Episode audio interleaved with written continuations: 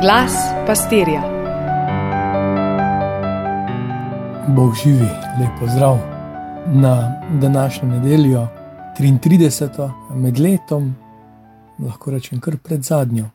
Verjetno poznate kakšen vic na temo otrok, ki se kregajo, če ga ata je močnejši, če ga mama bolje kuha, moj ata je hiter kot strela, pa reče: da to ni nič, moj ata je pa in potem se stopnjuje.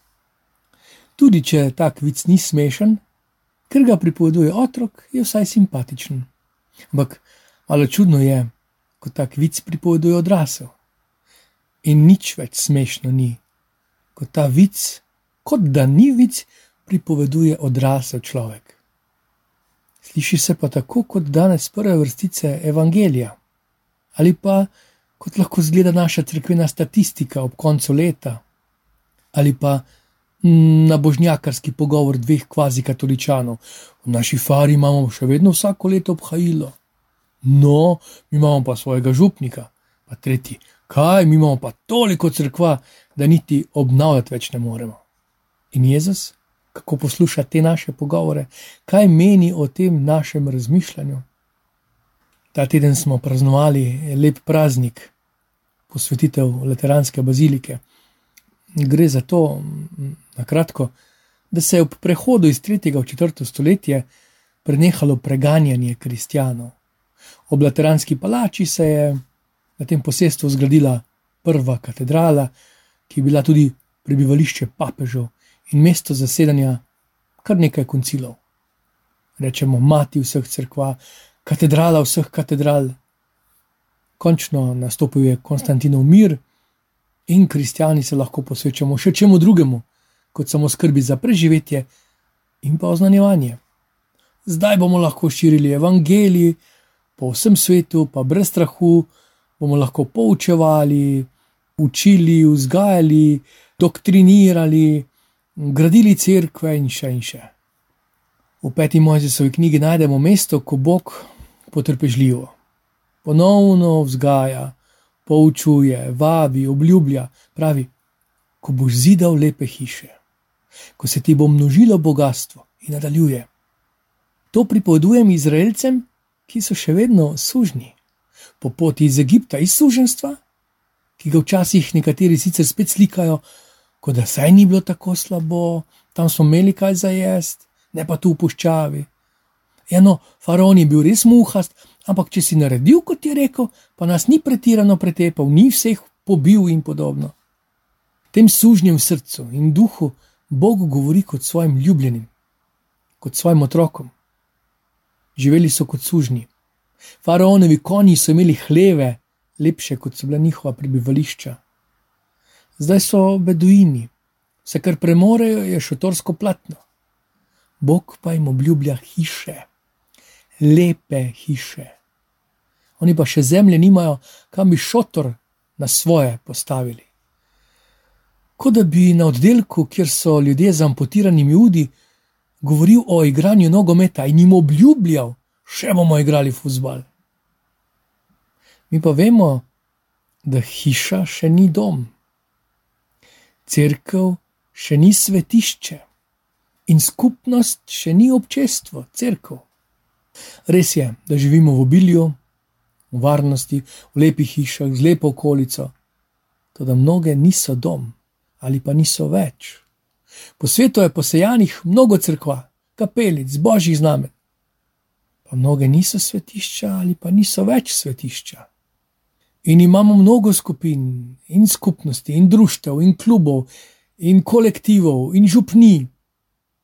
Pa mnoga niso občestva, niso crkv z veliko. Morda smo na nek način ravnodušni, ko slišimo za Jezusov prihod, ponovni prihod. Ko pa prisluhnemo njegovi besedi, nas upravičeno lahko objame tesnoba, lahko tudi grozen strah. Spomnite se, kako smo pričakovali, ko smo bili majhni, da pride Miklaš, s kakim veseljem. Ko pa se je bližal, smo se ga bali, ampak strahom pričakovali. Zato misel na Jezusov prihod, samo da se zgodi in bo vse v redu. Ne, ne bo. In ni zaradi Jezusa bo še huje in je že huje.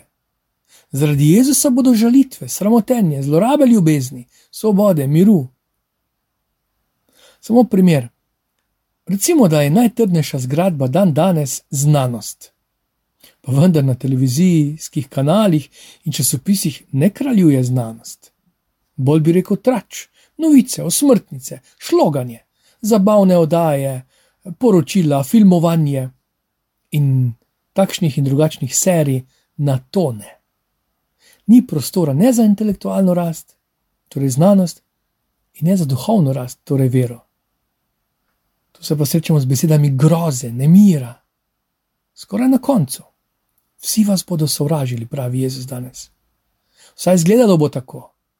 Sicer pa se ne bojte, jaz sem z vami, dal vam bom zgovornost, ampak sovražili vas bodo. Pravi celo domači, prijatelji, pobožni. O tem še kasneje. Ampak tu Jezus ne konča. Pravi, bodite stanovitni. Torej, se ne obračajte po vetru. Zdaj bi poslušali malo tega nauka, potem te diete, potem tega užitka, potem tega zdravega sloga življenja. Stanovitni, zvesti, rekel bi, orientirani na Jezusa Kristusa. In pride pa čas, ko bodo pravi častilci častili očeta v duhu in resnici, takih si želi oče. Papeški pridigar Kantalamesa razmišlja, še v času Jezusa Kristusa uh, je bilo prepričanje, da si je Bog postavil bivališče v Jeruzalemu. Tam je on prisoten. Zato ni bilo možno darovati žrtev izven tega tempelskega območja. Se spominjamo uh, romanja uh, ob Paschi v Jeruzalem, ko se je Jezus izgubil, in kasneje, ko je končal zemljsko življenje, množice prihajajo v Jeruzalem. Ampak že Salomon se sprašuje, mar Bog res more bivati na zemlji? Glej, nebo in nebes, nebesa te ne morejo obseči. V tej luči razumemo Jezusa, ki uči, da je Božji tempelj predvsem človekovo srce, ki ga sprejme. Zato Jezus pravi, evangelist Janes, prišla bova k njemu, torej tistemu, ki ga sprejme, in bova prebivala pri njem, jaz in oče. Govori o novem templju, staro bo prišlo. To, kar se gradi 46 let ali pa 100 let, se te stavbe, bo zob časa najedel. To rja razkraja, vrednost zapušča, ta to groža. Zamenjal bo z, z božjim templom. Torej, to bo zamenjal veren človek.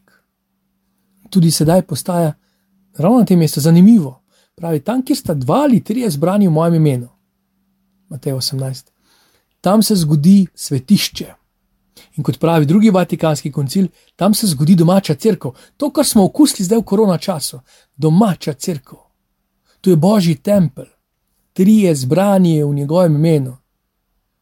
Ne vzeti, da je to voda na mlin tistim, ki Boga molijo, kadar čutijo in kjer čutijo.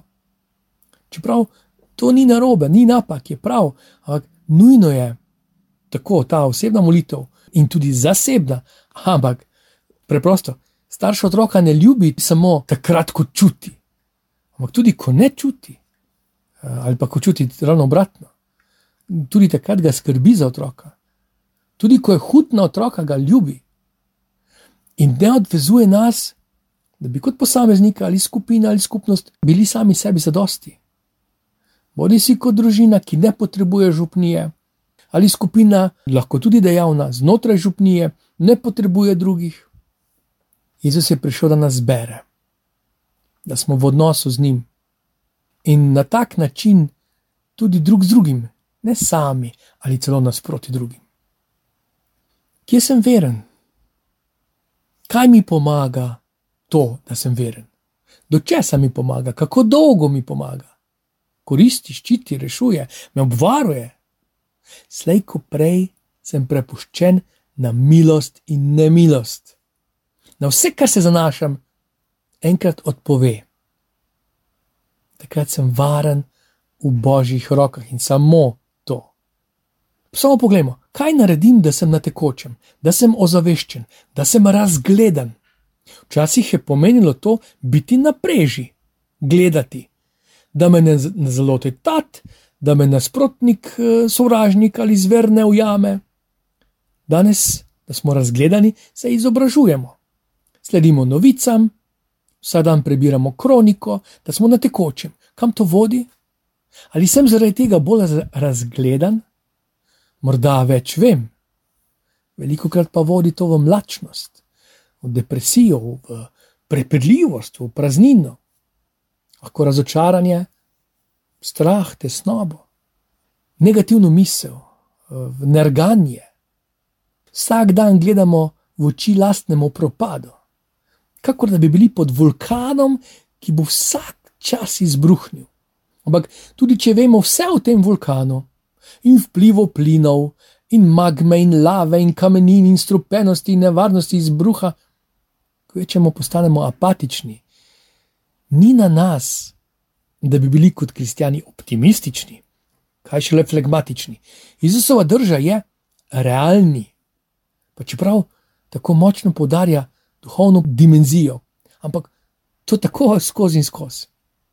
Odtot Jezusova gotovost in gotovost nas vseh, pod znožjem vulkana, njegova beseda: Bodi miren. Spremeni pogled, spremeni fokus, mene poglej v oči, mene poslušaj, mene sliši v poplavi novic in dogem in kritik in zakonov in prognoz. V tvojo utrujenost naj stopi vera, do zadnje pore, do zadnje celice, do zadnje misli in poživi tvoje telo. Ta vera poživi tvojo misel, poživi tvoj pogled, tvoje srce, poživi tvoje upanje, poživi sleherni trenutek. To je pobožnost, ki je resnična, ne pocukrana podoba, ki jo odpihne prva podražitev benzina ali pa jezen pogled tvojega najstnika v hiši doma. To je pobožnost, ki je ognjevarna in odporna na vse vrste potresnih sunkov jeze in malodušja, pregorelosti in depresije, vraževerja in ateizma. Pobožnost, ki izvira ne iz našega, mojega prizadevanja, ampak z njegove prisotnosti. Ta pa se nahaja v domu, v svetišču, v občestvu. In za konec prebral sem misel. Hudič me je videl, kako sem imel sklonjeno glavo k tlom in je mislil, da je zmagal. Dokler nisem rekel: Amen. Vam želim blagoslova in vse dobro.